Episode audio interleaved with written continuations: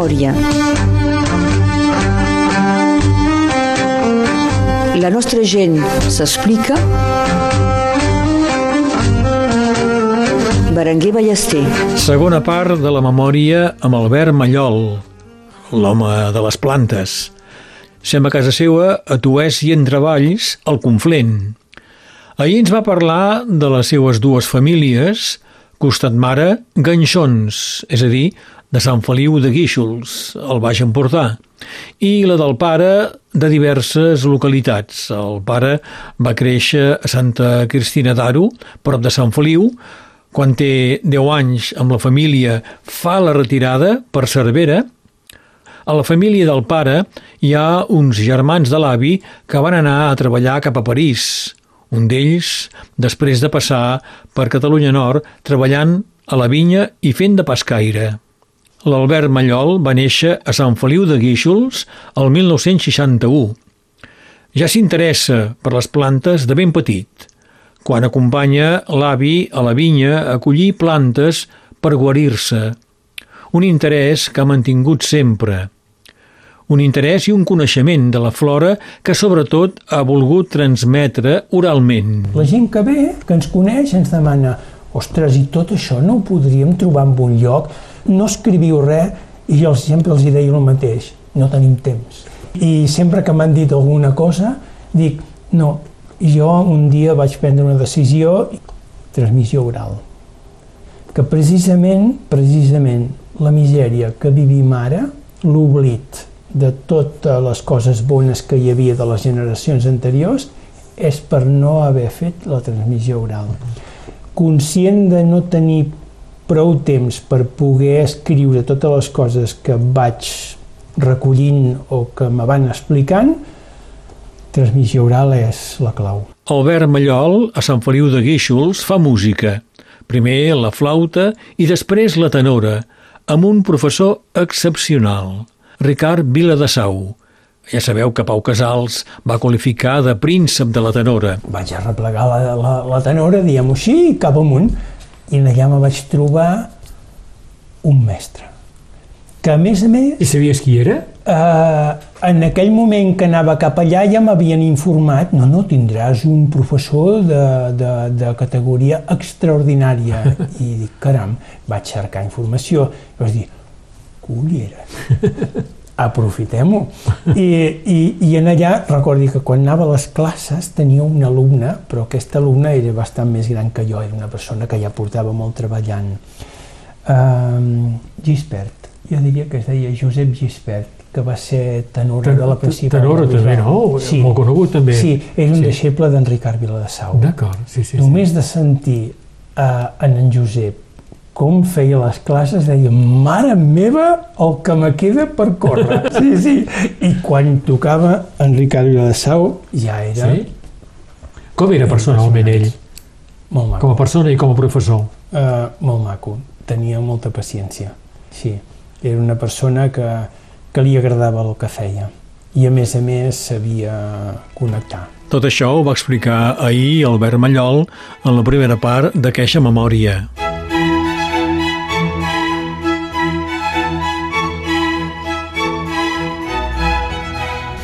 Albert Mallol, la teva vida professional de fet s'acaba aviat. Sí, molt Perquè aviat. un problema de salut sí. et porta a jubilar-te el 2002 amb 41 anys, eh? Sí, 41 anys. I venia de lluny, eh? eh és un problema que pateixo, indeterminat. Eh, no sé pas ben bé quan començaria. Ara, ara sí que puc, eh, després de conèixer el, el problema, eh, que puc, puc més o menys dir com les coses es van començar a torçar de manera forta Sí. Hi ha un problema de mercuri, de no? Mercuri. Vas dir? Sí, sí, era un problema, de, sobretot mercuri.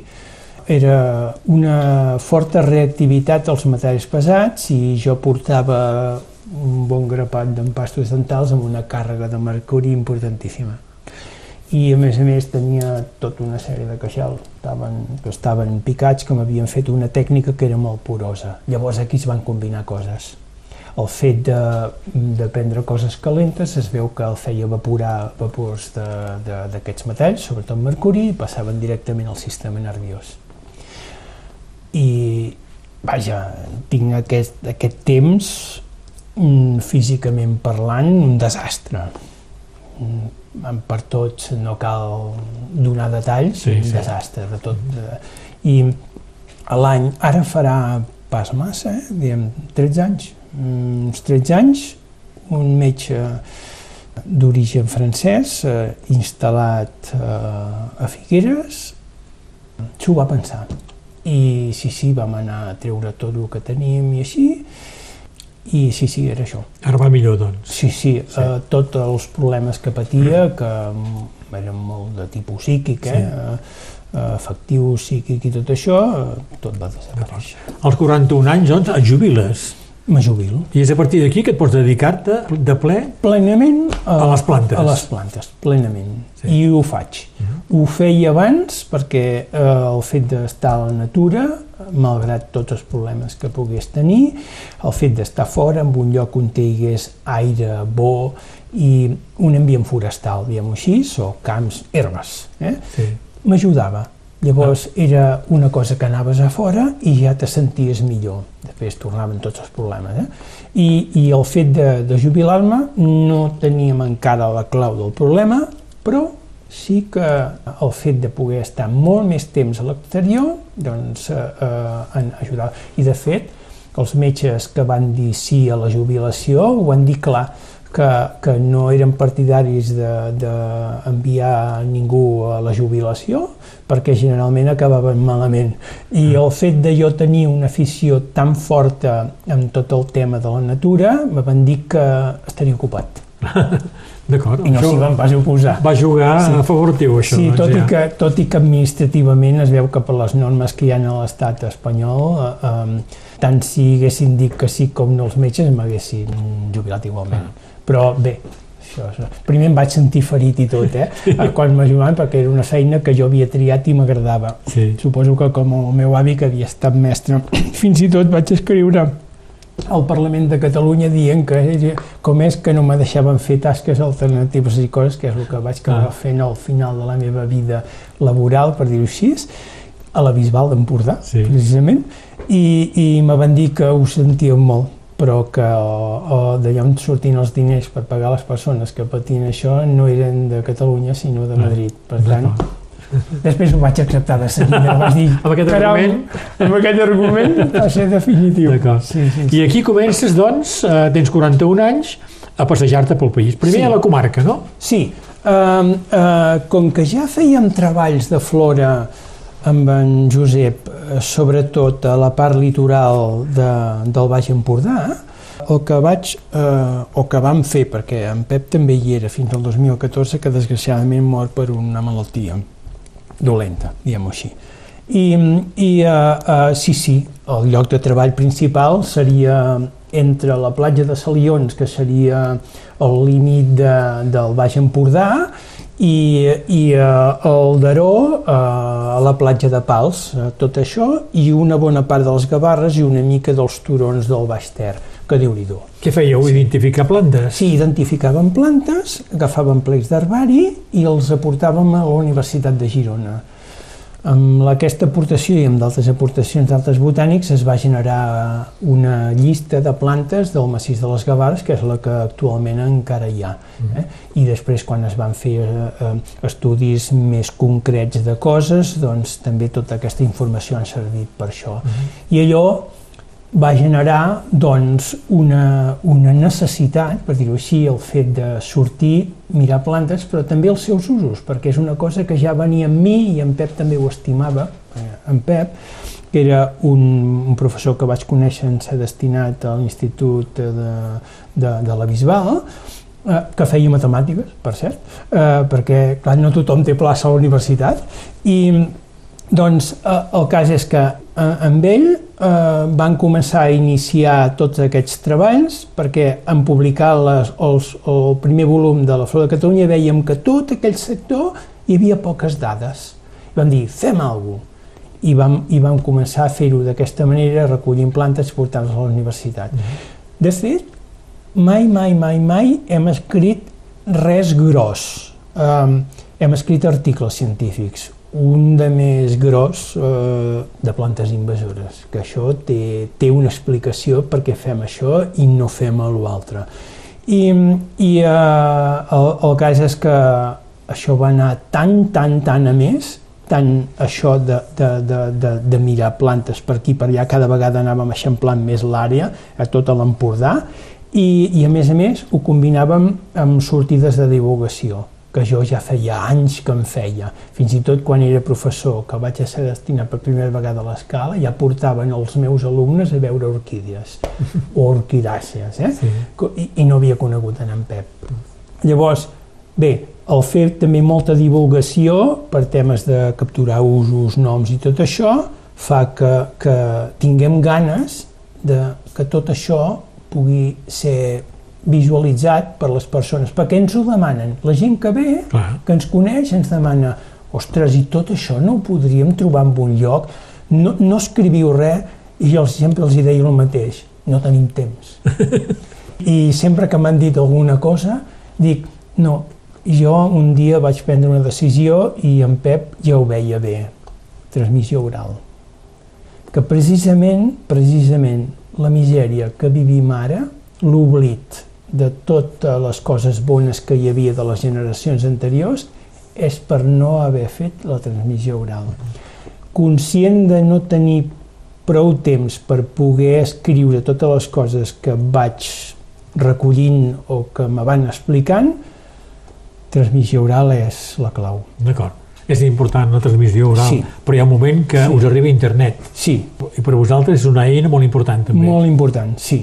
Eh, eh, el fet d'arribar a internet, recordo que estàvem a, l'institut a Palafrugell i quan acabàvem les nostres classes ens hi quedàvem. I ens hi quedàvem a buscar dades i a, i a preparar documents per poder fer treball de camp. I recordo que havíem mirat tots els treballs que es havien fet a tota l'àrea de Girona i més, eh? més cap aquí, més cap allà, fins i tot Catalunya Nord Eh? Havíem mirat coses d'aquí, tot i que coneixíem pas massa, perquè tampoc teníem massa accés als documents. Eh? Potser a la Universitat de Perpinyà n'hi havia, però em fa l'efecte que és més tard quan es digitalitzen coses i ara hi ha un accés, diguem, molt bo en comparació sí. a quan nosaltres vam començar. Sí, sí. Doncs, Però internet per vosaltres és un lloc on trobar informació i sí, també de donar, de donar. informació. Sí. Eh? En allà vam començar a fer les primeres propostes, vam intentar programar quelcom que fos vist, però era tot molt recent i no hi havia, no hi havia maneres fins un dia que en una passejada apareix una persona, un, una parella, que eren justament de, de Madrid, tot i que els orígens eren diversos. Eh? i ens ofereixen doncs, fent-nos una pàgina web que, que m'ofereixen personalment amb una sortida que van fer en el, en el massís de Sant Grau a Llagostera i me diuen, me diuen mira, nosaltres ens dediquem a coses d'aquestes, eh, no fem pas pàgines web, però, però fem, fem, treballem codi, eh, el que es programa, sí, tot això. Sí. I me diuen, passa'm una base de dades i ho farem perquè és molt interessant això que feu i així pot ser altres persones tindran l'oportunitat. Sí, sí. Li passo un, un fitxer de 800 plantes i amb molta informació i eh, això va ser l'inici, que inicialment vam batejar aquella pàgina web per Flora Gavarres, perquè era l'entorn més representatiu, tot i que no estaven només a Gavarres, perquè allà on ens vam conèixer era al costat. Eh? I aquell projecte, aquell projecte va ser un projecte que se'ns va descontrolar totalment. S'anava ampliant, no? Sí, perquè jo no parava de fer divulgació. En Pep també també ho feia d'una altra manera, eh, eh, ell feia més treball científic, però a mi m'agradava fer les dues coses, i ell també s'hi posava, eh, que això estava... I, i bé, el cas és que d'una manera o altra eh, vam, acabar, vam acabar ampliant l'àrea no sé pas quantes vegades. Els amics ens deien fins aquí, sí, més cap allà no, si jo visc a l'altre costat, va, vinga.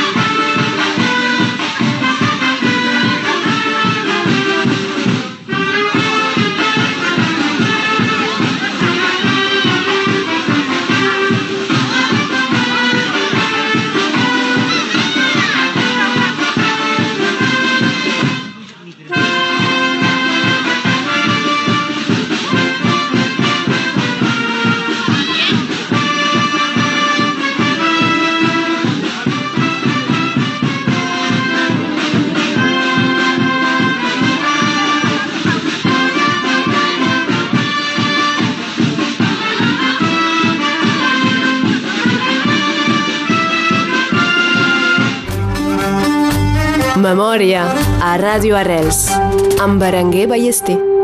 I acabeu fent flora catalana. I vam acabar fent, no? al final, el, el, els, el, la parella que ens van fer tot el disseny de pàgina web, que ha estat vigent fins fa relativament poc, a floracatalana.net, ara és floracatalana.cat i el .net apunta cap allà, doncs eh, eh, va dir, va, vinga, un nom gros, uh -huh. i perquè eh, uh, aneu a per tot, no pareu d'eixamplar sí. la cosa, i deia, això ja no és una petita cosa per divulgar, això ja és un projecte enorme, ah. ens deia, no? Ja fins i tot amb ells, sincerament se'ls hi escapava perquè una cosa és fer de voluntari una mica i l'altra és fer un projecte que té un cost ah. elevat. A Flora Catalana vol dir, ja no sou vosaltres només, tu i el Pep, no. Hi ha altra gent que hi participa, no? Sí, de fet, qui crea aquest projecte seria en Pep i jo, amb l'ajuda d'aquests dos informàtics, en Jaime i la Modena, que ens ofereixen fer això, que ens fan una aportació com mai havia fet ningú. Llavors, sí, i jo sempre he tingut present una cosa que ho he après del meu pare i amb el centre aquest on vaig eh, anar a créixer, diguem-ho, a Sant Feliu, que es feien activitats i que la gent donava el seu temps, sense demanar res a canvi, pels altres, com el teatre, com la música, com portar a les persones a gaudir de la natura, com el meu pare i dues persones més que van creure en això. Llavors, aquesta manera de fer eh, és la que va impregnar-me, eh, malgrat no tenir ni condicions i viure en una casa que era més que una casa, una barraca, fins que vam tenir una casa, per dir-ho així, i que va durar temps. I, i eh, aquesta va ser la filosofia amb la que vaig eh, començar a enxarxar persones. Mm -hmm. Jo volia aprendre de plantes i només tenia una persona que, que m'ajudava fortament, en Pep i l'accés a les estructures que treballaven amb això era lluny, tenien molt poc accés i pot ser, dic pot ser, eh, perquè potser no és així, eh, una, um, clar, jo era una persona que venia de fora d'aquest sector professional i potser ah. no es veia bé, no sé, dic sí? pot ser, eh, potser no, eh, potser són imaginacions meves. I el cas és que el que sí tinc clar és que jo intentava anar més enllà i sempre trobava barreres. Llavors vaig dir, el poc que sé, posem-ho en clar, i amb l'ajuda d'en Pep, que era un mestre, que havia tingut per mestres l'Oriol de Bolós, el Josep Vigo, eh, Ramon Bargalef, eh, Josep Maria Massalles, les persones que, eh, de fet, han fet que tinguem avui dia la Flor de Catalunya. Llavors, clar, era, era un, un valor per mi sí. extraordinari eh, i jo que sempre he sigut molt autodidacta i m'ha agradat eh, fer colzes, és dir, m'agrada fer les coses d'una manera pràctica. Eh? Eh, llavors eh, va, ser, va ser el sistema que vaig elegir.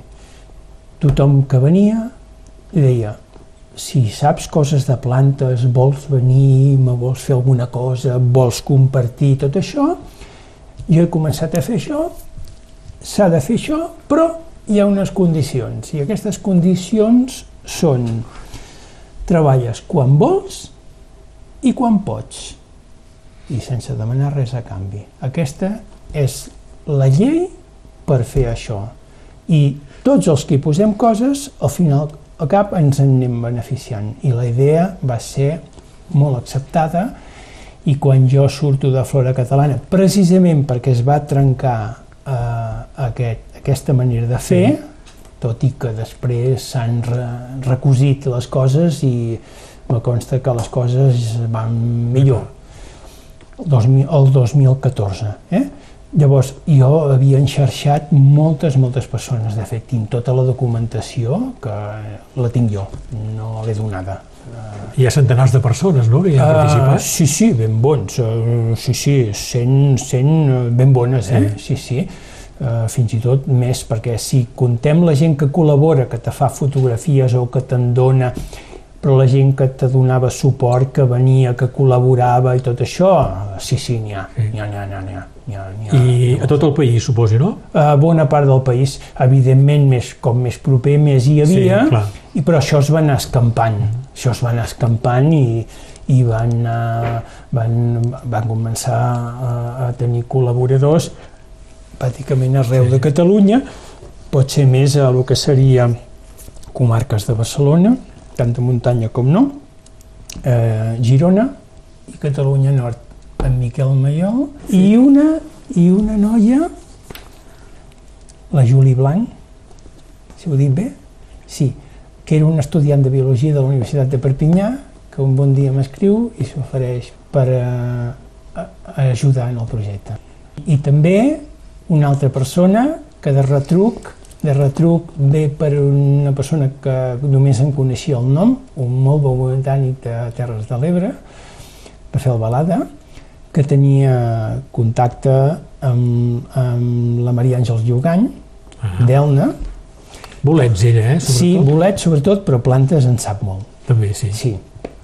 Llavors, me fan conèixer, me fa conèixer, tens que conèixer l'Àngels Llogany. Sí. I jo vaig dir, ah, doncs mira, m'agradaria molt i potser el que podríem fer és venir a presentar el projecte de, de Flora Catalana a Perpinyà. M'hi poso en contacte, quedem en un dia i la meva dona, la Mònica, i jo anem a Perpinyà i ho expliquem. No sé si era el 2010, eh? Sí, jo diria que 2010 o 2009, no recordo exactament. I me'n recordo que anem a prop de la ràdio, una mica més avall hi havia un hotel d'associacions i vam anar allà i teníem tots, molta gent hi havia, els associats, això, i els hi vam explicar, en aquell moment jo el francès el tenia perdut, eh, parlava sobretot anglès, pel fet d'haver estat a Sud-àfrica, m'acostava molt, el vaig fer-ho en català. I les persones que no acabaven de comprendre, els companys, doncs feien les traduccions, en Miquel hi havia, diria que en Miquel sí que hi era. Sí. La Maria Àngels i probablement altres persones eh, que, que el sabien. I, I en allà ja va ser definitiu de dir cap aquí. Va ser el teu primer peu a Catalunya Nord? Eh, hi havia passat, sí. m'agradava molt. Eh, era un lloc que el trobava extremadament bonic, o continuo sí. considerant així, i me feia molt, molt, molta il·lusió poder venir a fer treball aquí. I el fet d'estar jubilat ho tenia tot posat. Clar. Be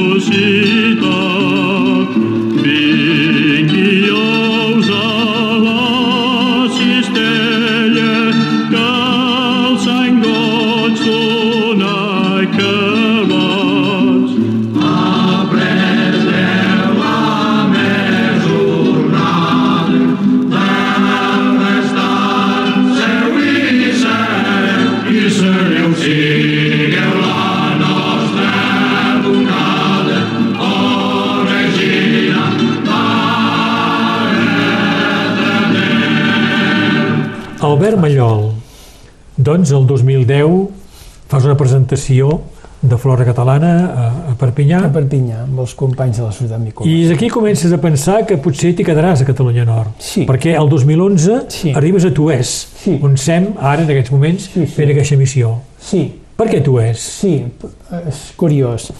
En les nostres anades i vingudes, perquè hi veníem sovint a, a, a Perpinyà, a, per temes de cultura, buscar llibres, jo ja hi començava, ja hi vaig començar a venir molt, molt, molt, molt aviat, eh? quan, quan vaig conèixer en Pep, és dir, eh, estem parlant de l'any 89, veníem aquí a buscar llibres de botànica.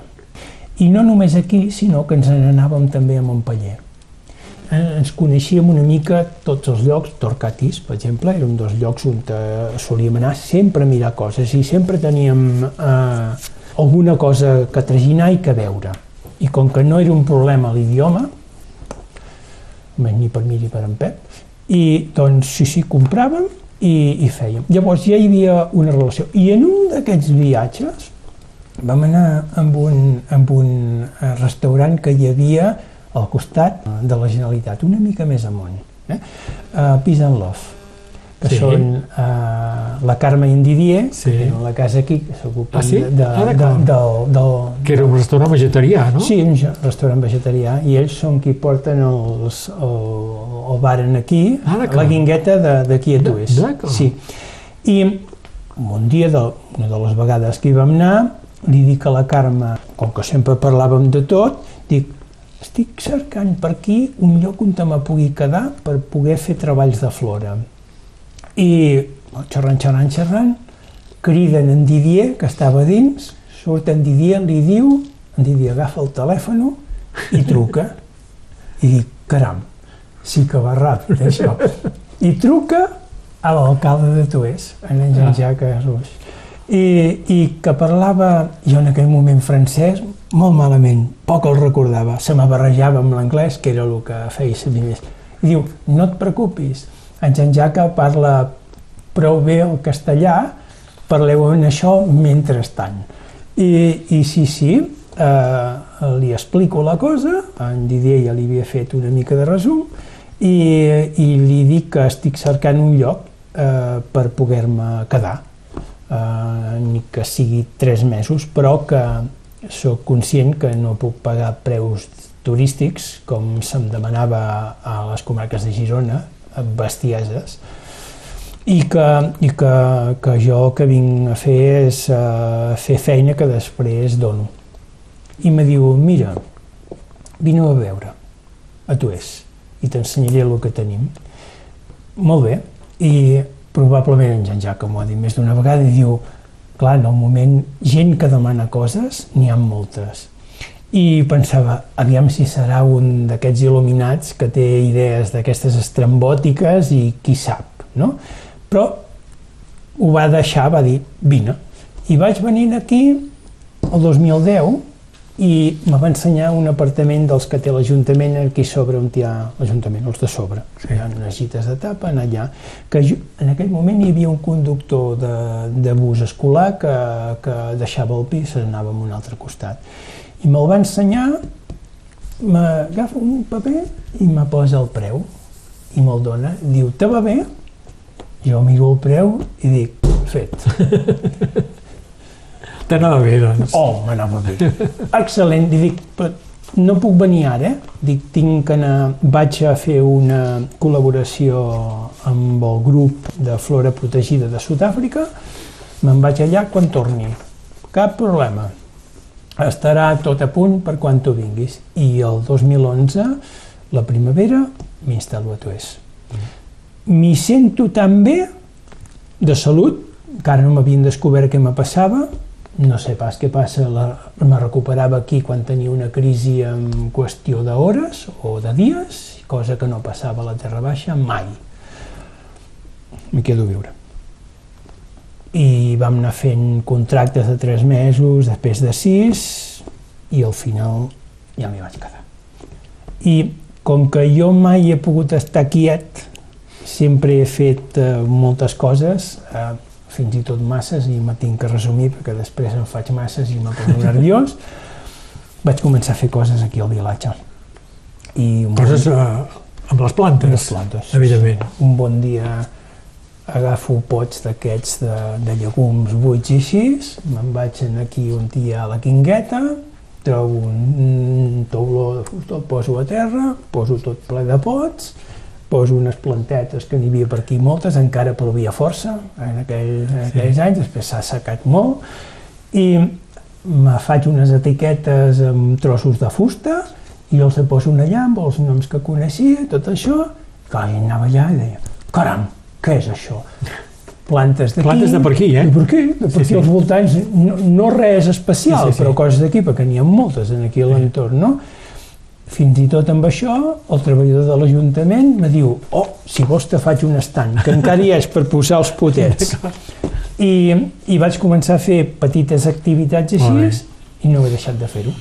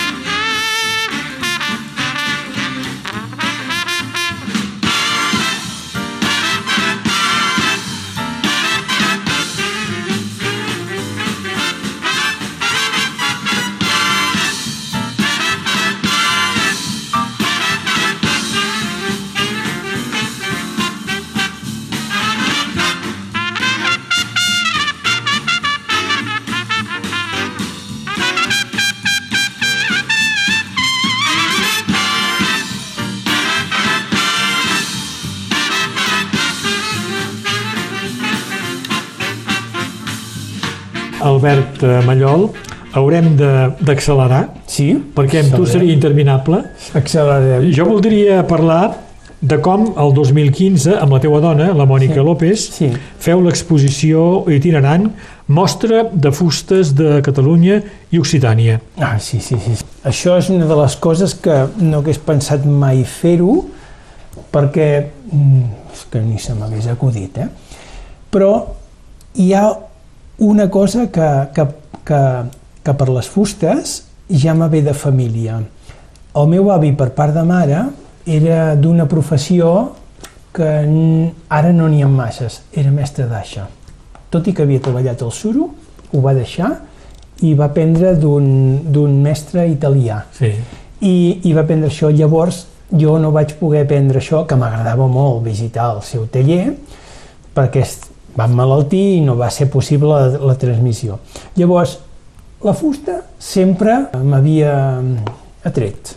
Llavors, bé, Per casualitats de la vida, el 2007 veig amb un element arquitectònic que era un forn a les Gavarres que l'estaven netejant per fer una cuita de rajols a l'antiga que fan saltar un om.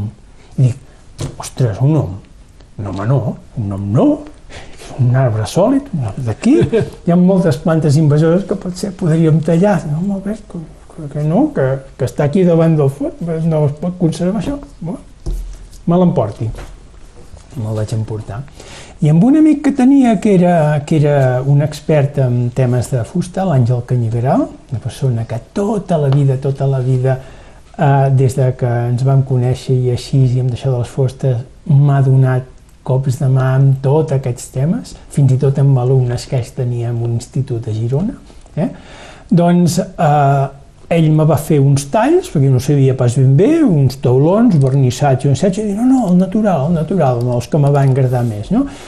I aquella primera mostra d'aquell hom del 2007, que ell me va preparar perquè veiés com podia ser, els consells d'amics que eren de la professió, que van dir, ah, si talles també fes el tall eh, sí. diagonal, perquè així podrà ser identificada i servirà, tindrà podrà ser, servir per a ser estudiada, i més sabent d'on és la planta i de l'edat o en el moment en què va ser tallada, que totes les mostres d'aquí tenim data i lloc. Eh? Llavors, això i una nevada espectacular que va afectar aquí també, però en aquí no, en, era l'inici, no vaig sí. poder venir el 2010, que va trencar d'arbres, d'arbres, i encara n'hi ha d'aquella època. Llavors vam fer una recollida enorme, 60 o plantes, eh, de vegades d'espècies monumentals, que, que, que els anàvem a arreglar els arbres i ens emportaven a la resta de llenya, vam generar tota una col·lecció de fustes. I rodelles, principalment rodelles i, i taulons, eh? o, o un cilindre partit, partit pel mig.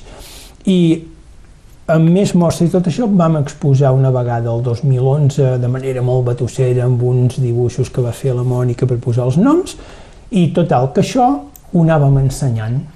I un dia ho vam veure amics que teníem d'aquí, tota la zona del Llimosí, Occitània, i, i un company de, de, que viu a Girona, que viu entre aquí, com jo, una mica a l'Empordà i més aquí, doncs va dir, això els agradaria molt veure-ho en, la, en els amics d'aquí, d'aquí de, de l'estat francès, i ens van convidar eh, anar amb una festa a la Fet de Samples, sí. que es feia a Baciviera, perquè veiéssim el que feien ells, i arrel de tot això vam dir, caram, doncs mira, més endavant, quan en facin una altra, portarem la col·lecció de fustes. 2014.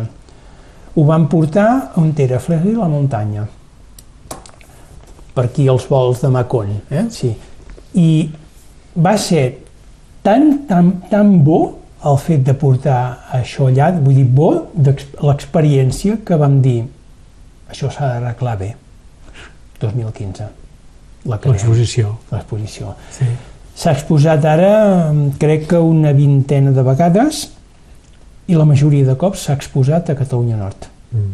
Que passa que, com tot, eh, aquestes coses de ciència moltes vegades no acaben d'arribar. Però tot i així l'ha vista... Sí. Déu-n'hi-do. Sí, la Universitat de Perpinyà ha estat, a Toluges, el Centre d'Educació Ambiental també, sí.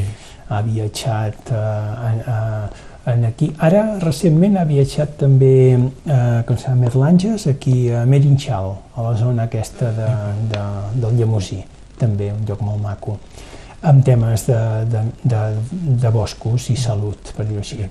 I és una, diríem, una perla que tenim, perquè això és molt atractiu perquè l'element, la fusta, és un element molt, molt, molt de contacte humà. Sí. La fusta és present en les nostres vides des de l'inici. Sí.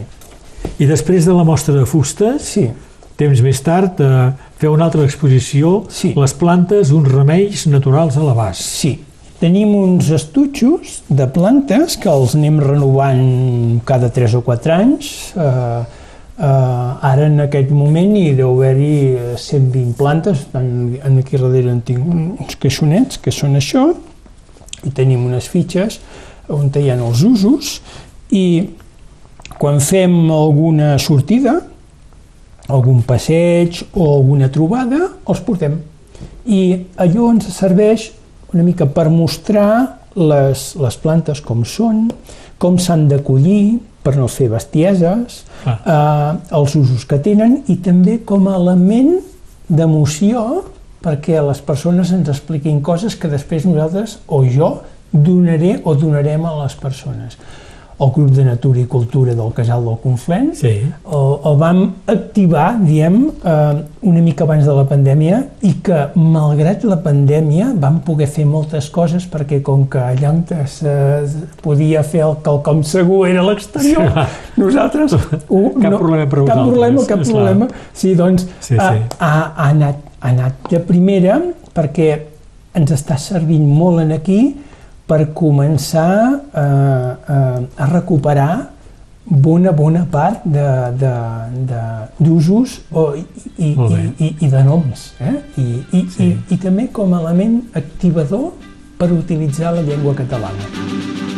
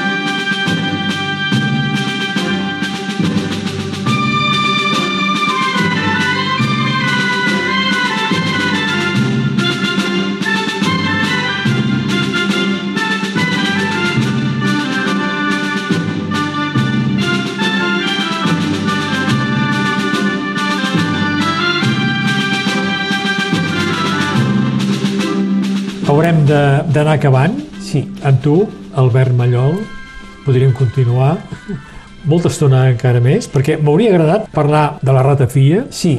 Amb el casal Conflent. Sí. Organitzes, eh? Sí. Sortides per anar a buscar les plantes. Unes pinzellades les podem donar, si vols, Sí. uh, ju justes. Uh, uh, sí, uh, com que per la natura, uh, apropar les persones a la natura, uh, quelcom d'ús diari o festiu, diari, menjar, eh? Sí. o, o, o beure és, és uh, important, llavors uh, el fet de, de fer una activitat, un passeig per veure les plantes que hi ha, agafar amb cura i mesura, és dir, eh, entenent com s'ha de fer per no fer malbé i per poder-hi tornar, és un element d'apropar cap al medi totes les persones que desgraciadament viuen en mitjans urbans Sí. que han perdut aquest contacte permanent. Hi ha gent que és molt sensible al que viuen a la... però el contacte és el que és. Un lloc on està ple de bató i no és el mateix. Eh? Llavors, la ratafia ens permet això i a més a més és una cosa que es fa de manera social, es coneix les plantes, la natura i tot el que volta, els animals i tot això, el paisatge... Eh, Ho té tot, eh?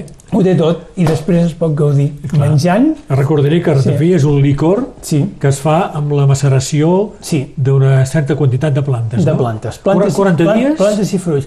Sí, sol ser a la mitjana dels, Sí. dels, dels, uh, les persones que han estudiat això. això a Catalunya es va, es va, s'han fet alguns treballs amb això i, i així diuen que hi ha una mitjana de 40, de 40 Sí. dies, tot i que és possible menys i més. I de fet, ratafia no seria res més que un licor de plantes. Sí. I el nom ratafia també és molt incert. Sí. Però això Ah. va molt bé uh, d'un bé, eh? D'un Sí. bé. Uh, està molt bé això, que sigui incert, perquè així hi ha pas ningú que s'ho pugui apropiar.